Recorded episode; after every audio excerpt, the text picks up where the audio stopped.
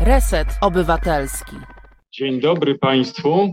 E, witam zarówno osoby, które są tutaj z nami na premierze światowej, e, płynącej z jaślisk spod kultowego baru Czeremcha na cały świat. Będziemy dzisiaj rozmawiać e, z Jagą Słowińską o książce Czarnolat.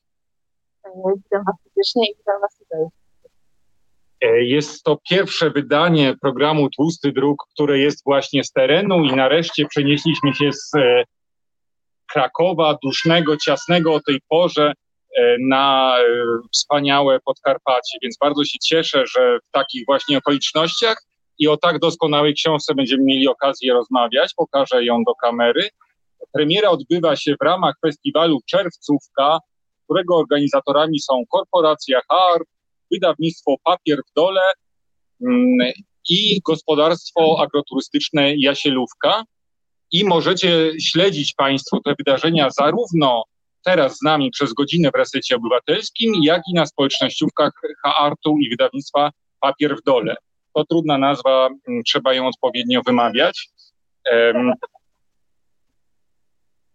Ja zanim przejdziemy do rzeczy, jeszcze jeden obowiązkowy mam e, fragment, który muszę powiedzieć. Przypomnieć, że Tłusty Druk to kombajn recenzencki, który dla Państwa mieli mm, fabuły, metafory, słowa i wyłuskuje te, które są najbardziej ciekawe i z którymi najbardziej warto się skonfrontować.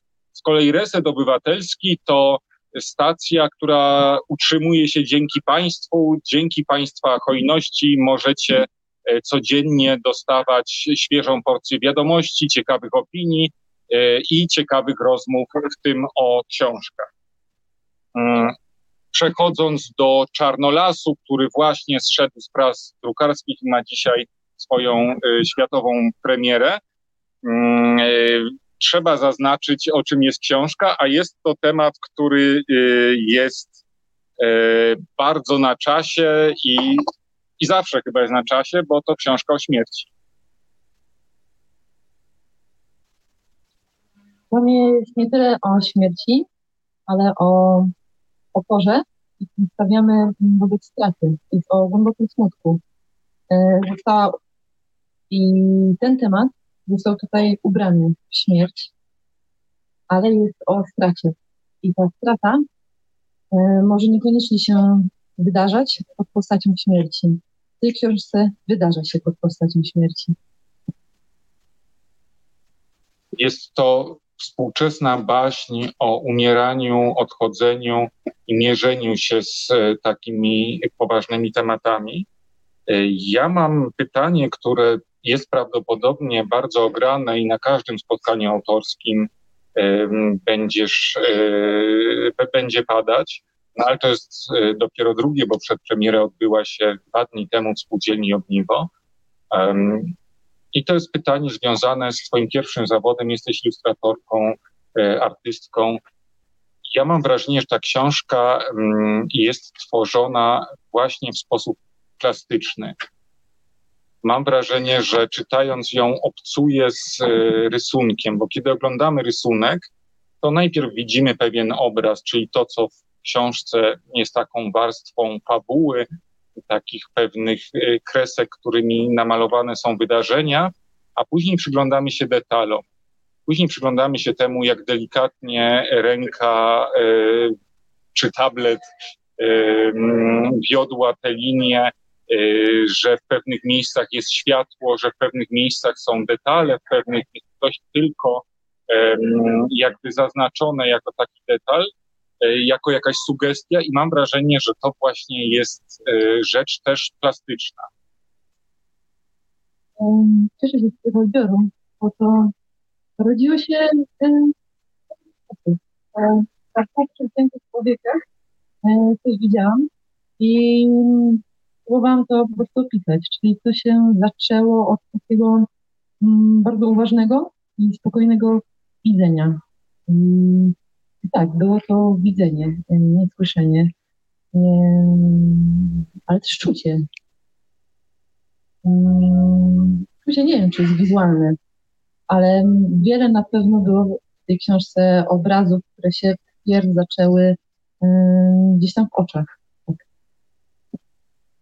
Chciałem zapytać, skąd e, przejście z jednego medium do drugiego? Czy chciałaś trochę odpocząć od e, pracy ilustratorki, która jest, jak się domyślam, kreatywna, przyjemna, daje dużo satysfakcji, ale jednak jest pewnym wykonywaniem zleceń dostosowywaniem swojej wizji do mm, wizji autora, czy pewnie jak w przypadku książek dla dzieci, bardzo yy, bardziej jakoś ściśle wyznaczonych ram, czy po prostu próbą takiego mm, właśnie wyjścia poza, poza to pierwsze medium, bez jakichś takich potrzeb jak odpoczynek albo odreagowanie?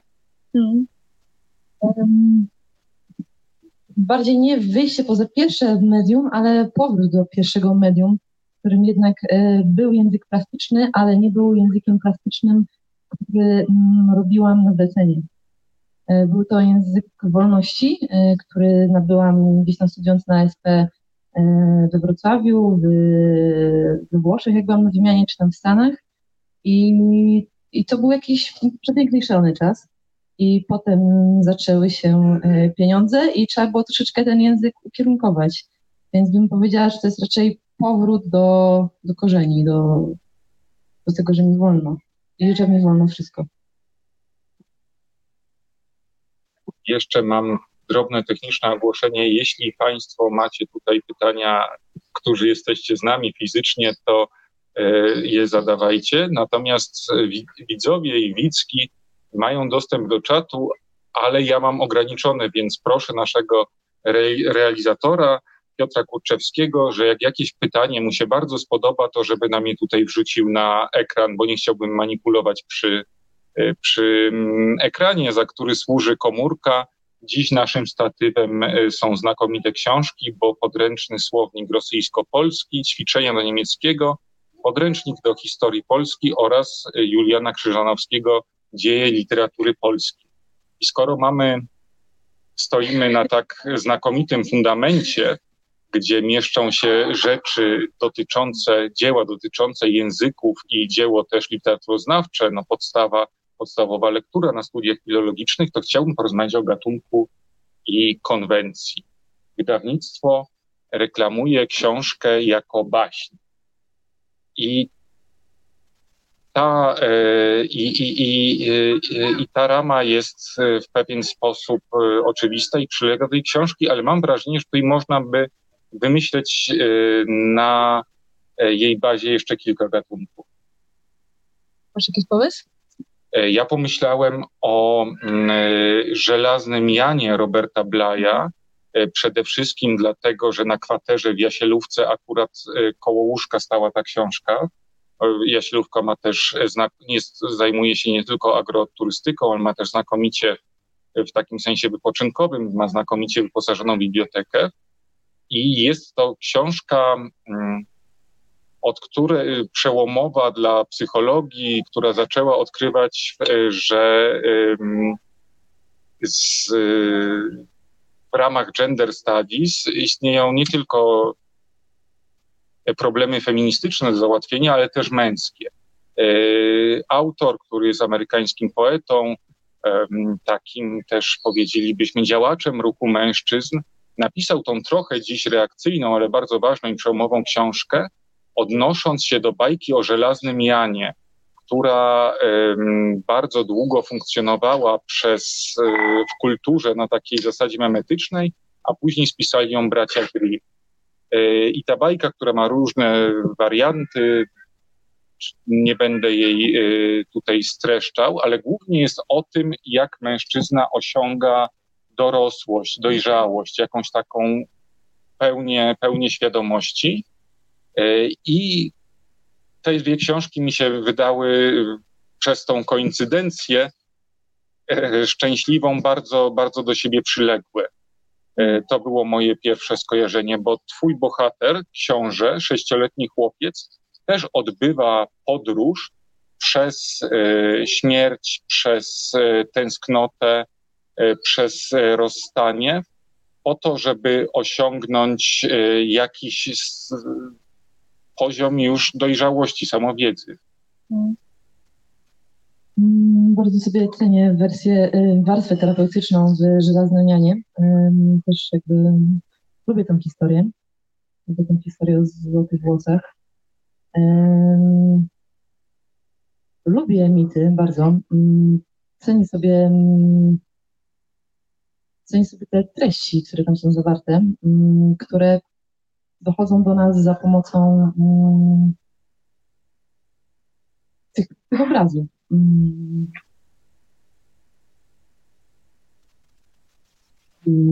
Motyw tąpienia. Orfeusz i Eurydyka. Kiedyś był taki film brazylijski. E, Czarny Orfeusz. Nie wiem, czy kojarzysz. E, bardzo go pamiętam i bardzo mnie mm, zainfekował jakby moją, moją wyobraźnię. I no i tak, e, historie służą przepracowywaniu mm, czegoś, co doświadczamy uniwersalnie.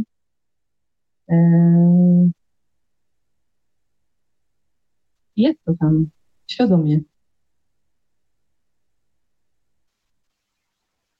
A zastanawiam się, czy to mm, właśnie jest rzecz dla dorosłych, czy to jest baśń terapeutyczna dla dorosłych, e, którzy i czy powstała w reakcji na to, co działo się ze światem w ostatnich latach, kiedy e, ta nieuchronność e, śmierci no, była wszędzie dookoła bardziej niż, niż wcześniej.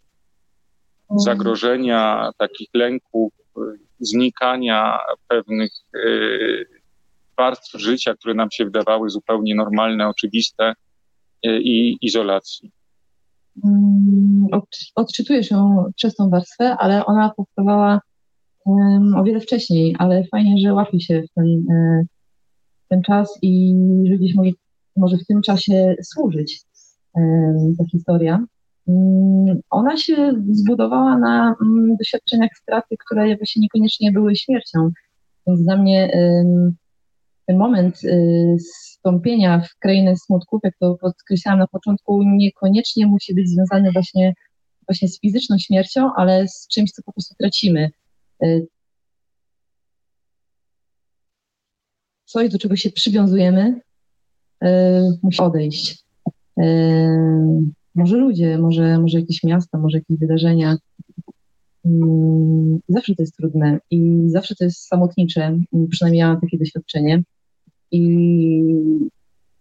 i dziś mnie to też od strony terapeutycznej denerwuje, że ten człowiek musi e, wejść tam do tego lasu i nie ma jakichś może zbiorowych rytuałów, żeby, żeby przypłakać, żeby, żeby to zrobić w jakimś plemieniu.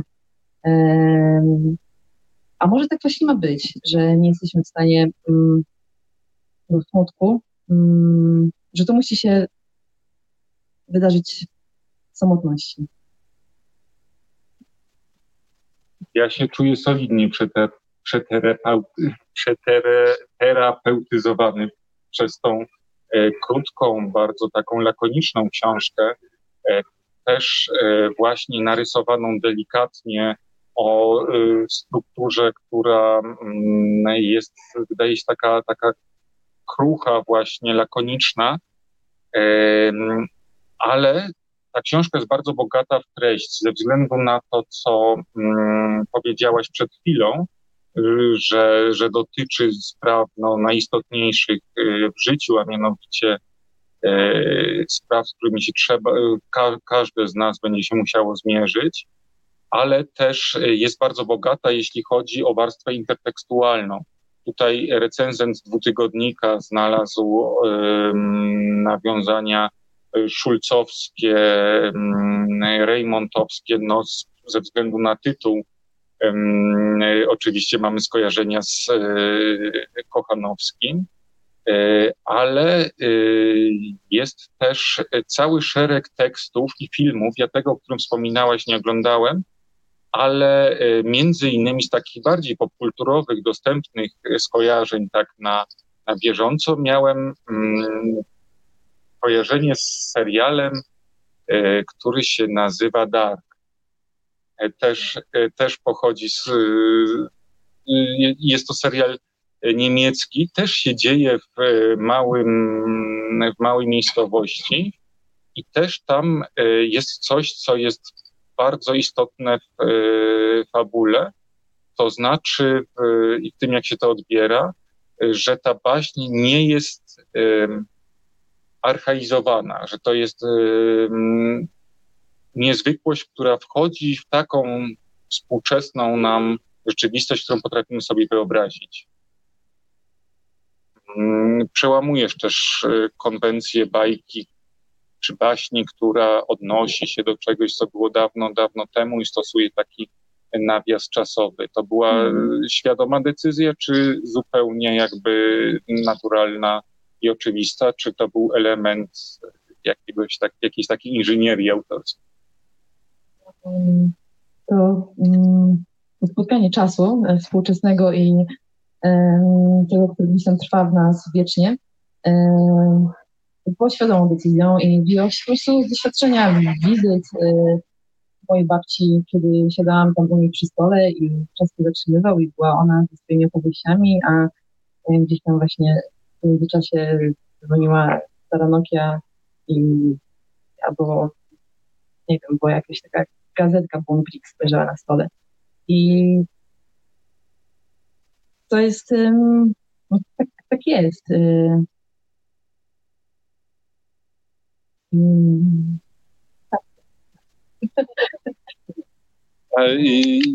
Ja o to ja o to pytam, dlatego że bardzo mi się podoba ten obraz wsi. Jest taki właśnie e, naturalny, o ile można używać w kontekście literackim słowa naturalność, ale nie jest jakiś taki wymuszony, ponieważ od paru lat trwa w Polsce zwrot ludowy, bardzo potrzebny i, i bardzo też ciekawy, płodny, no i oddający jakby sprawiedliwość miejscom poza, poza centrami i zwrot ku pisaniu o wsi, o prowincji, o miejscach poza um, wielkimi miastami, ale zawsze prawie zgrzytają mi te obrazy y, prowincji. I to nie tylko w y, prozie, ale też w książkach reporterskich, często non-fiction jak dziennikarz z Warszawy jedzie napisać reportaż o wsi, to mam wrażenie, że używa gotowego słownika i rozpisuje sobie postaci wedle jakiegoś takiego stereotypu, że musi być miejscowy mędrzec, miejscowa mhm. piękność o tragicznym życiorysie, że sołtys, który częstuje powiedzmy śliwowicą i tak dalej. Mm, a tutaj mamy jeden z najbardziej wiarygodnych obrazów yy, wsi, choć fantastyczny jednocześnie. Wiesz co, bo może tego, że nie robiłam tego na fali e, piśmowej, w ogóle się nie zastanawiałam. Zdecydowanie to było oczywiste, że napiszę o wsi, e, gdzieś ta wieś była blisko moim dorastaniu.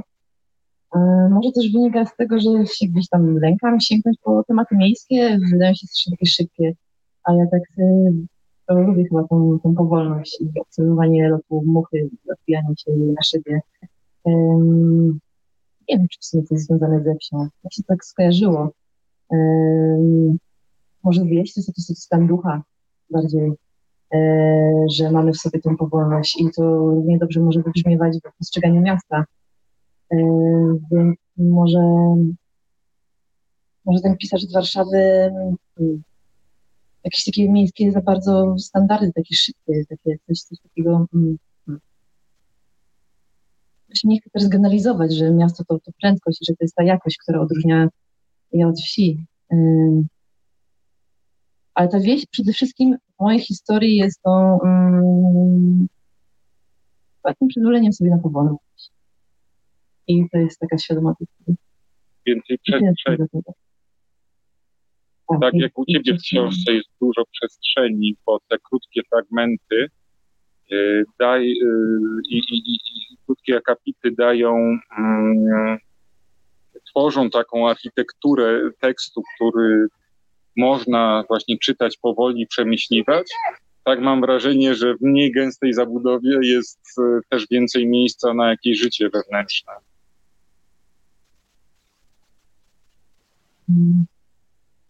Czy to bywa tak też, że mm, rok temu wylądowałam u rodziców w sadach, oni mieszkają na wsi, na tam kilka tygodni i w pewnym momencie czułam się jak w zielonym więzieniu, że e, gdzieś w moim doświadczeniu mam świadomość, że ta, mm, ta przestrzeń e, rodzi się w umyśle i oczywiście e, widok drzew sprzyja być może tej przestrzeni, ale chyba w moim doświadczeniu niekoniecznie jest tak, że jest gwarancją.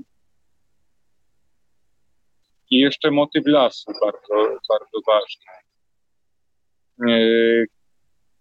Zastanawiam się, czym jest ten las. Czy to jest taki słowiański Hades, e, czy to. No. no nie moje, to znów tak. e, padło w e, dwutygodniku, ale i to jest też pole dla, ale właśnie sprawa lasu, który jest tak pięknie, bardzo plastycznie opisany, jest, jest tutaj Mm, istotna i to jest pole do indywidualnych jakichś interpretacji. I też do takiej autoanalizy. No, mi się wydaje, że ja się raczej lasu boję. Mm. Dzisiaj byliśmy w lesie przez moment tutaj pobliskim i jak straciłem sygnał komórkowy, to poczułem się nagle zupełnie słaby i bezbronny. Mm -hmm. No, to jest bardzo ciekawy ten obraz, który projektujemy na, na świat, który projektujemy też na las, na naturę. Ty się boisz lasu. Mi on mówi,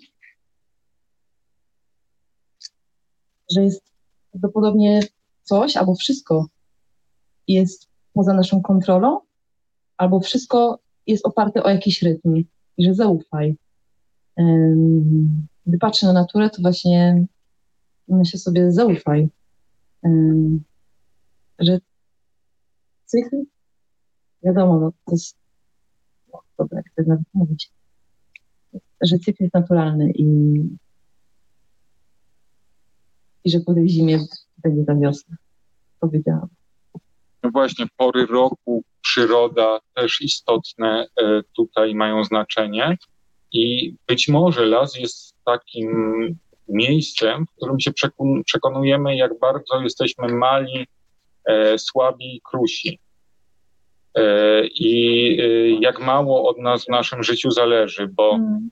mm nie chcę ujawniać e, fabuły, bo te, opisywanie tego typu książki przez jakiś taki spoiler fabularny byłoby no, barbarzyństwem, no ale jest to historia y, chłopca, któremu y, umierają y, kolejno rodzice, pies i wuj.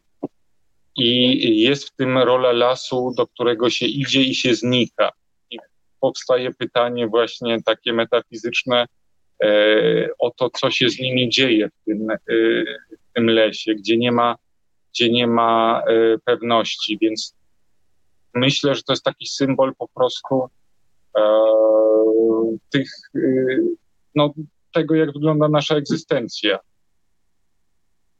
E, na przykład tutaj na Podkarpaciu w obrębie nadleśnictwa Rymanów jesteśmy związani z cywilizacją i mamy tą ułudę kontroli gdzieś tak do pierwszego kilometra w głąb lasu. Mm.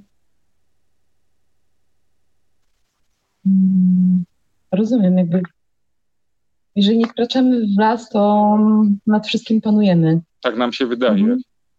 Mm, wkraczamy w niego, tracimy kontrolę, a tak naprawdę ją odzyskujemy. Czy nie kontrolę, ale odzyskujemy coś, jakąś taką prawdę w sobie. Fajny jest ten właśnie opór przed, y, przed tą prawdą i niechęć niechęć zbliżenia do niej.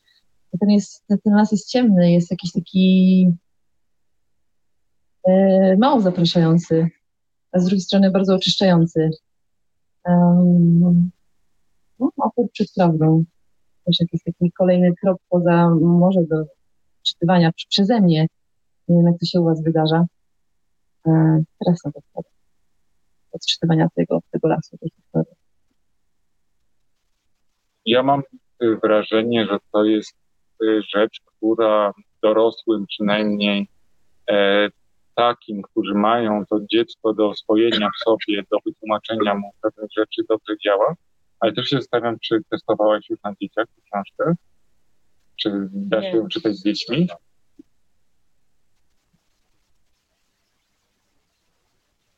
A dziecko to jest jaki wiek? U ciebie? No nie wiem, od wieku księcia do ym, no do jakiejś czterdziestki, no ale naj, najszerzej mówiąc, ale może na takich dzieciach licząc kategoriami y, prawno, y, prawno, prawno y, administracyjnymi. Wydaje że sama historia jest najbardziej wycięta. E, Wydaje mi się, że blokerem może być język i e, że są dorośli, którzy nie ogarniają tego języka i mówią, że w ogóle co to jest e, na przykład mój brat. By się nie dało przeczytać.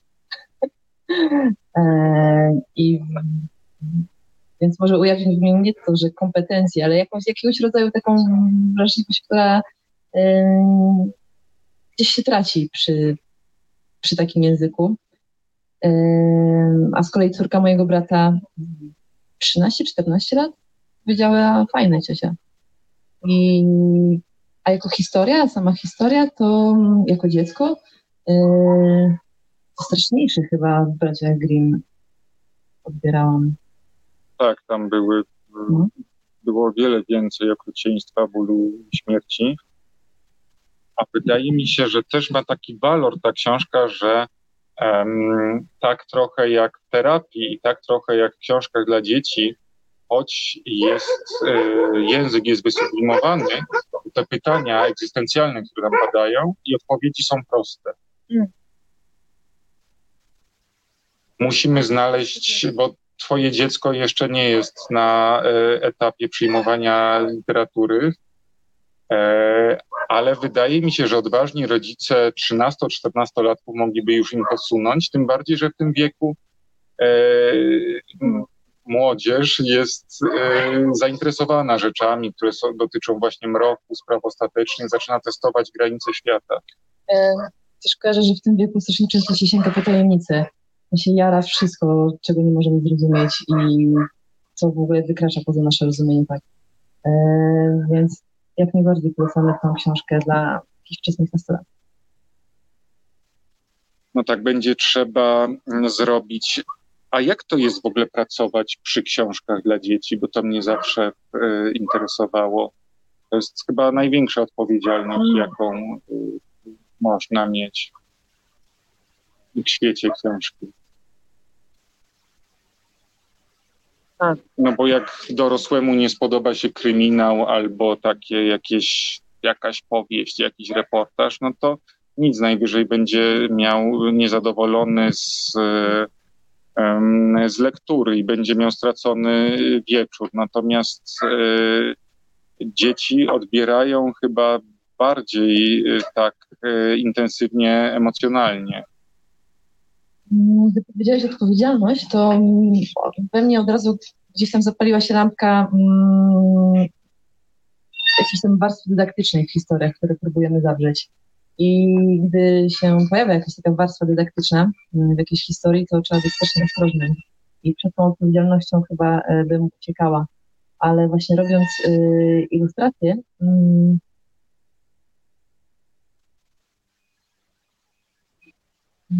mówisz o takiej odpowiedzialności, żeby dziecko wiedziało, co jest czym? I Ja, na, ja przypominam sobie parę bajek, e, których się strasznie, e, po których miałem takie mikrotraumy. Do tej pory, jak przypominam sobie lekturę jed, bajki, a zarazem bardzo dydaktycznej, jednego z pierwszych komiksów, mianowicie Maxa i Moryca, jeden z pierwszych komiksów w dziejach w ogóle e, komiksu, o dwóch e, chłopcach, e, którzy chuliganią e, do tego stopnia, że zadają śmierć na przykład jakimś biednym kurom, ale w końcu trafiają do maszyny, która ich mieli na ziarno i te kury ich później wydziobują. E, no to było, było to takie pierwsze doświadczenie horroru na przykład.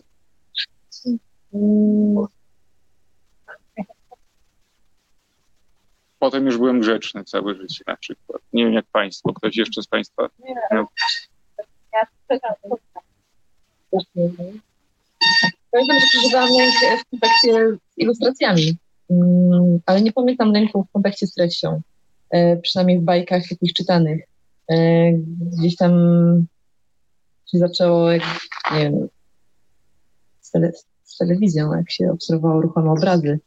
E, no, na przykład Juri Norstein, Jerzy Glębę, nie wiem, czy kojarzycie.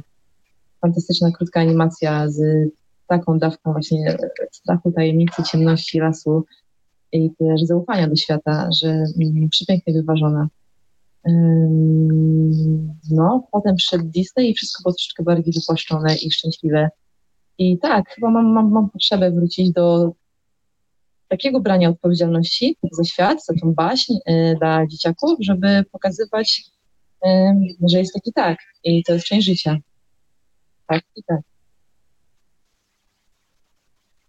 Ja jestem zachwycony y, tym, jak bardzo mamy grzeczną publiczność, ale jeśli Państwo chcecie się wtrącić, zadawać nam pytania, no to bardzo śmiało zachęcamy. Mamy też kilka dosłownie egzemplarzy ze sobą, więc w ręce Piotra, w rękach Piotra Malewskiego leży dystrybucja tych książek i to, co z nimi E, co z nimi zrobić, czy będzie je można kupić, czy na przykład wygrać, czy e, najgrzeczniejsza osoba na, na sali będzie, będzie otrzyma swój egzemplarz czarnolasu. A jeśli Państwo chcecie opowiedzieć o swoich spotkaniach, na przykład z najbardziej takimi traumatycznymi bajkami, albo doświadczeniach, które macie czytając baśnie, bajki E, dzieciom, e, to, to też zachęcamy i zachęcamy do zadawania pytań. Mm, a mnie fascynuje to, że właśnie dzieci często uwielbiają ten mrok, że um, okazuje się, że odmawiając im dostępu do tego wszystkiego, na czym stoi świat, rozczarowań, e, strachu e, i tak dalej, po prostu jesteśmy, bywamy wobec nich nieuczciwi. Mm. Mm, powiedzieć, jakie mają potrzeby, przynajmniej tak pamiętam ze swojego doświadczenia, e, oswajania tego mroku w bezpieczny sposób. E, czyli gdzieś w kontakcie z tym e, albo z rodzicem, albo z jakimś przewodnikiem, o którego się można zawsze oprzeć. Pamiętam taką scenę z dzieciństwa, oglądanie Twin Peaksa przez takie ażurowe schody, że pomimo tego, że mieliśmy telewizorek na górze, to nie włączaliśmy sobie osobno tego Twin Peaksa, tylko właśnie woleliśmy przez te schody patrzeć, jak oni tam czy był ten filtr, rodzice i dopiero potem Twin Peaks. No. To doświadczenie pokoleniowe. Tak. Twin Peaks. Telewiz... Tęsknicie Państwo za telewizją polską, która wypuszczała takie psychodeliczne rzeczy? Myślę, że non-stop puszcza psychodeliczne. Tak, tak, teraz też jest nieźle klasowa. Mm, tutaj jest jeszcze jedna bardzo ważna figura,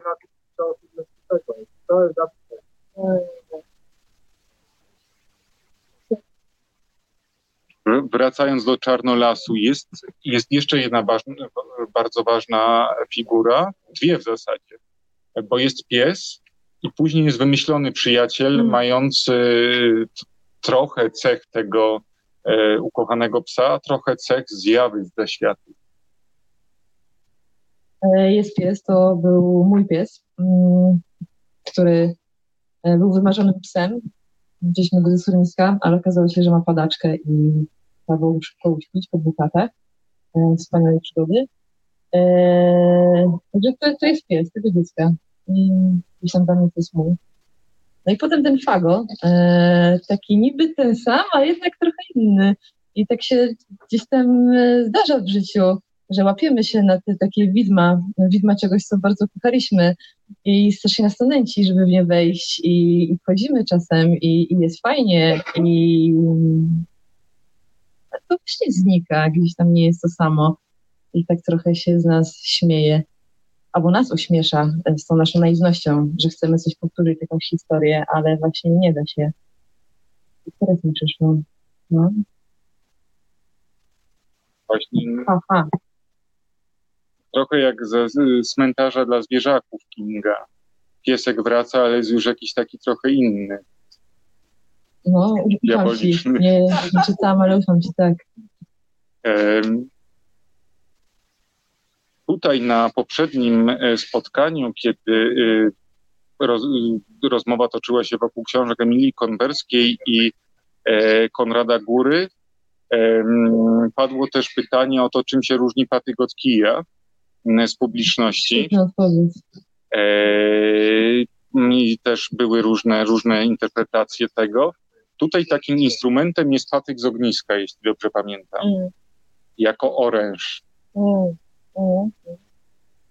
Mm. Tak, masz to w swoim doświadczeniu, patyk ogniskowy jako oręż? No tak, no bo brudził, to na podwórku była naj, najpotężniejsza broń i też był takim czymś fascynującym, e, jakimś takim kontrolowanym spotkaniem z, z dzikością. Tak, był, miał ostrą końcóweczkę, można było oko wykuć, uważaj tym patykiem. Mm, tak, był takim też e, przedmiotem mocy, może jakimś takim e, mieczem Jedi, które teraz taki mają, to wtedy patyk jak się sobie wsadziło i rozżarzyło. To miał moc, no. A skoro tutaj ja strasznie dużo opowiadam o sobie, ale to nie z e, próżności czy jakiegoś narcyzmu, ale y, no nie, nie, nie posiadając progenitury żadnej, y, mogę tylko się do własnego dzieciństwa y, odwoływać. Ale jestem ciekaw, na ile ten świat dziecięcy różni się od tego, ten, który jest zawarty w powieści, który jest taki, myślę, bliski naszym doświadczeniom tutaj wszystkim, różni się od tego, mm, jak, z którym mamy do czynienia dzisiaj to jak wydaje mi się, że w ciągu no, naszego pokolenia, od naszych, naszych dzieciństw e, do momentu, kiedy część z nas ma już e, dzieci, w życiu dzieci dokonało się jakieś, jakieś, e, dokonały się jakieś istotne bardzo zmiany. Mm, nie chcę mówić za, za wszystkich, ale gdzieś na przykład w moim bliskim doświadczeniu ten las wydarza się poza jakimiś granicami strzeżonego osiedla już, już, już tam jest jakaś ciemność i już się tam nie puszcza dzieciaków. I, mm, i ta wolność eksploracji gdzieś jest e, troszeczkę zaburzona albo o, o, ograniczona. Mm. O, nie wiem, czy to jest świadomość ryzyk, czy e, wzrastający lęk e, na podstawie jakichś tam różnych newsów. A nie kusiło cię, żeby dodać ilustracje własne do tekstu? Mm. Kusiło, to znowu będzie zemsta na wydawcy, ale wydawca odrzucił. Uwielbiam to mówić. Uwielbiam to mówić, ale znowu, znowu chyba wrócił ten pomysł i, e, i bardzo fajnie, że wtedy te ilustracje odpadły, e, że może potrzebowałam jakiegoś czasu, żeby zobaczyć to na nowo Idzie. O mowa, ale już nie o nim. U Sławka w domu, nie chce, wiszą wspaniałe obrazy mm, i grafiki naiwnego malarza. Ma Malenda, ma... Tak.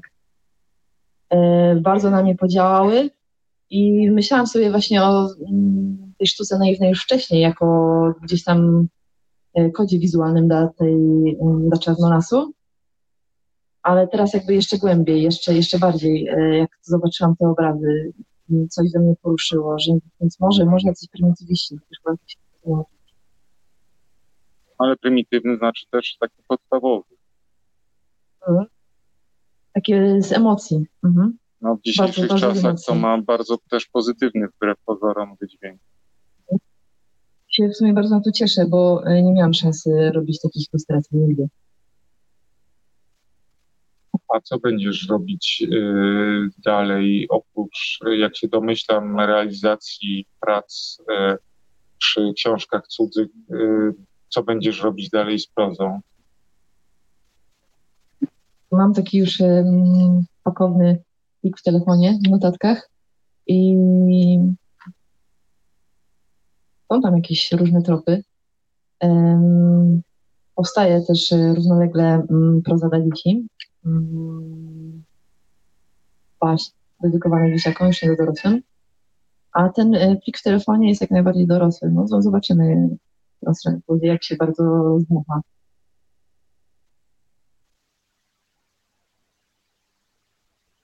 Ale dalej konwencji yy, baśniowej i takiej nadrealistycznej? E, tak, wychodzą po istotnie. No to oby, oby to była konwencja baśniowa, bo Czy są pytania z sali? Tacy byliście rozgadani ja przez cały... O, to zapraszamy Jędrzeja.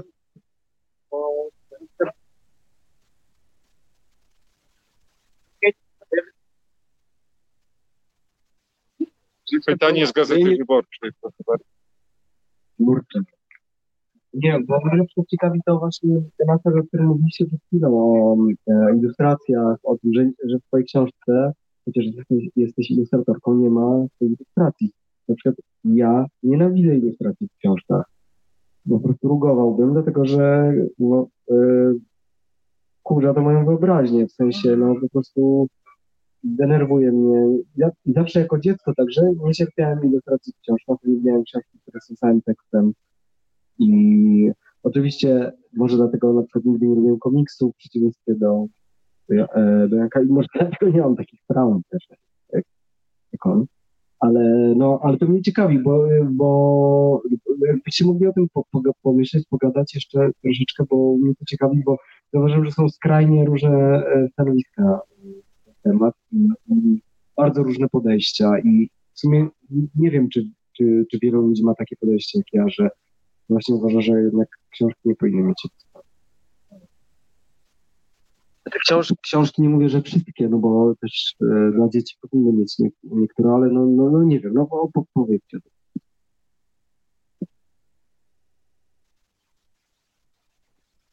Ja też czasem bardzo wkurzają ilustracje. Hmm, złe ilustracje, albo w mojej przekonaniu złe. I to jest zawsze indywidualny odbiór. Nie mamy na niego wpływu, jak to nie miałam wpływu, jak to czytać je. Jakby droga wolna, by chyba to mogło wkurzać. Eee, pamiętam, że wkurzały mnie, ale aha. Eee, bardzo mnie chyba też, bardzo mnie interesuje w tej ilustracji i w tym słowie ten styk, że jednak to się rodzi od autora. I tu, i tu jest jeden autor. I, i chyba um, siliłabym się na tę ilustrację, gdybym nie była autorem. I, I chyba no, to jest ciekawe i nawet jeżeli to nie wyjdzie ciekawie, to to może być właśnie ciekawe, żeby zobaczyć gdzieś e, tych połączeń mnie. Mamy teraz ten szczęśliwy moment, że ilustracja i mm, w ogóle kultura wizualna w Polsce wybiły do, do góry, że mamy taką jakąś hossę. Bo jak pomyślimy o książkach, które zaczęły się pojawiać na początku lat 90. dla dzieci, wtedy był taki wysyp strasznie brzydkich Biblii dla dzieci i opowieści religijnych. Tak, rysowanych zupełnie na jakichś pierwszych komputerach. Nawet sobie swoje miały te sprawne.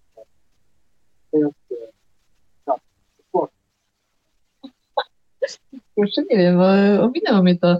E, u mnie na chacie to był młodożeniec, szancer, a potem dziura, dziura, nic i chyba dopiero tak skupytni się fajnie zaczęli. E, no, e, też fajną ilustracją zawsze były y, albumy takie rosyjskie, jakichś impresjonistów z muzeum w Petersburgu. Tak. Na to się w ogóle patrzyło i patrzyło, no. Bo takie mam wrażenie, że dobra ilustracja właśnie jest w jakimś sensie synestetyczna, że y, działa nie tylko na zmysł wzroku, ale dopowiada ten tekst. E, byłem zachwycony tym, że e, tutaj opowieść ma strukturę e, właśnie tak bardzo delikatnie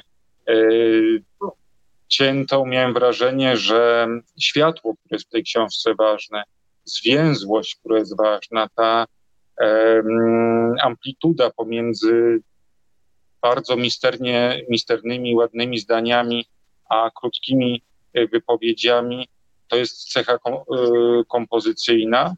To, że się dzięki takiemu ułożeniu tekstu y, czyta to powoli, a tutaj się okazuje, że duża część tego efektu wynika z tego, że Piotr poskąpił na ilustrację. Um, no też na pewno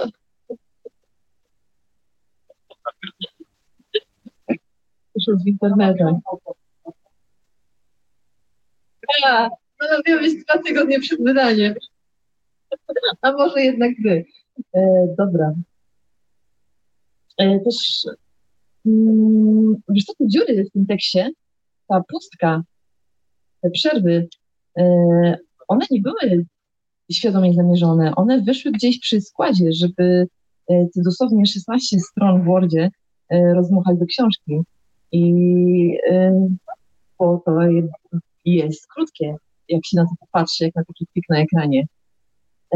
I wydaje mi się, że świetnie to wyszło i to jest jakby genialne czucie też Marty Syrwit, edytorki, która jakby upała w ten zabieg i mm, też E, osoby, która to składała, e, też ze świetnym wyczuciem e, jakby postawiła tą pustkę w odpowiednich miejscach. Ja tam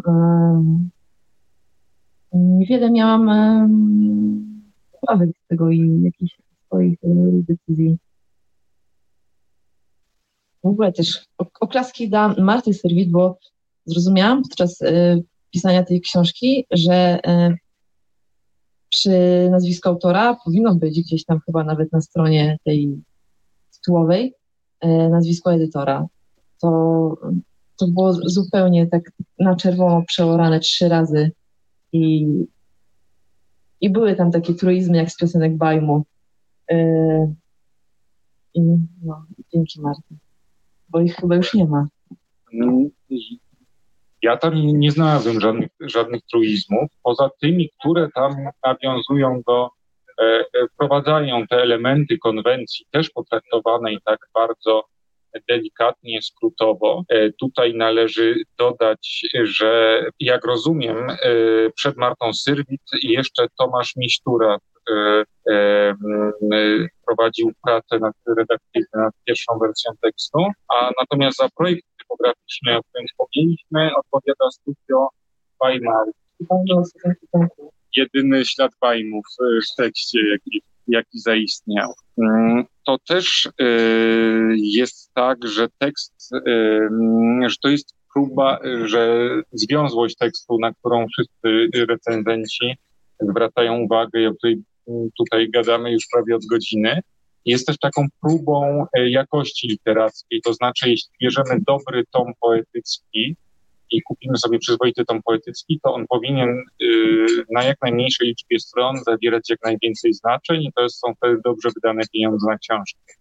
Tutaj mamy stron 88, w Wordzie 16, a e, jeszcze wiele godzin będzie można o tej książce przegadać i na różne sposoby ją czytać i odnaleźć bardzo wiele tropów takich intertekstualnych tropów psychologicznych. I wydaje mi się, że to jest idealna książka na covidowe lato.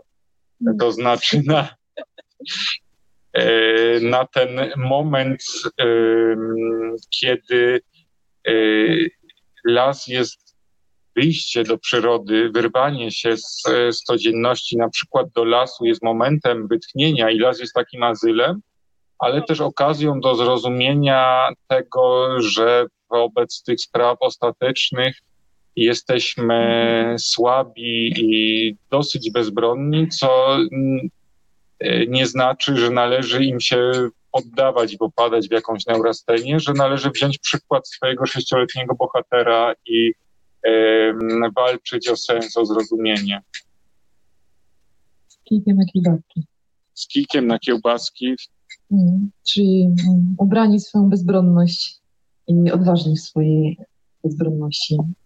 No, chyba ta bezbronność w tym chłopcu, teraz jak mówiłeś, mnie um, bardzo urzekła. Jest to potężne oręże. I też powolność, która e, rządzi tym światem. E, Jestem zdziwiony, że to nie była książka pisana przez ostatni rok z e, okładem, tylko że e, zamysł powstał powstał wcześniej, bo ja ją przeczytałem. Wiele osób ją przeczyta w tym kluczu właśnie mm, nowej uważności, nowej, y, nowego wyczulenia, czułości, która robi taki, taką zawrotną karierę. Y, no, w odróżnieniu od książek pisanych przez coachy i jakiejś takiej literatury psychologicznej, ta pozwala na odbyć niesamowitą podróż i zrozumieć bardzo wiele. Między innymi to tutaj będzie element spoilera, że świat zaczął się od chichotu. E, już o tym mówiłam na spotkaniu z Piotrem właśnie pierwszym, że dla mnie to jest właśnie rozliczenie się z tym zdaniem troszeczkę i żyć długo szczęśliwie. Że jest właśnie hmm, że ten kosmos, w którym żyjemy, być może nie jest właśnie ani, ani jakiś taki przyjemny, ani miękki, ani puszysty, ani czarny taki jak kot, tylko jest czymś szalenie przewrotnym i nieokiełzanym i siły rządzące naszym życiem są, no czasem brakuje sensu. I to jest, to jest chyba fajne. I też odpuścić te sensy, tą kontrolę sensów też może w tym, tym chichocie jest. Ja dziękuję. Jeśli jeszcze jest jakiś komentarz e, albo ktoś chce coś powiedzieć, to mamy ostatnie trzy minuty na to. Dziękuję bardzo za tę e, lekturę, za podróż do gęstego lasu. Mm, dawno mm, nie, nie czytałem właśnie tak gęstego tekstu na tak niewielkiej ilości stron, więc e, zachęcam wszystkich Państwa do sięgnięcia po debiut prozatorski Jagi Słowińskiej.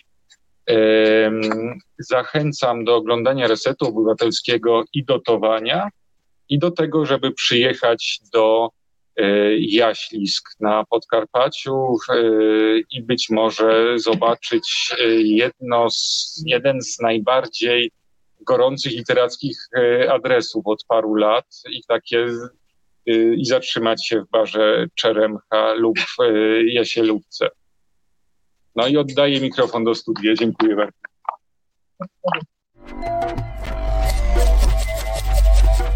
Reset Obywatelski. To był program Resetu Obywatelskiego. Subskrybuj nasz kanał na YouTube, obserwuj na Facebooku i Twitterze.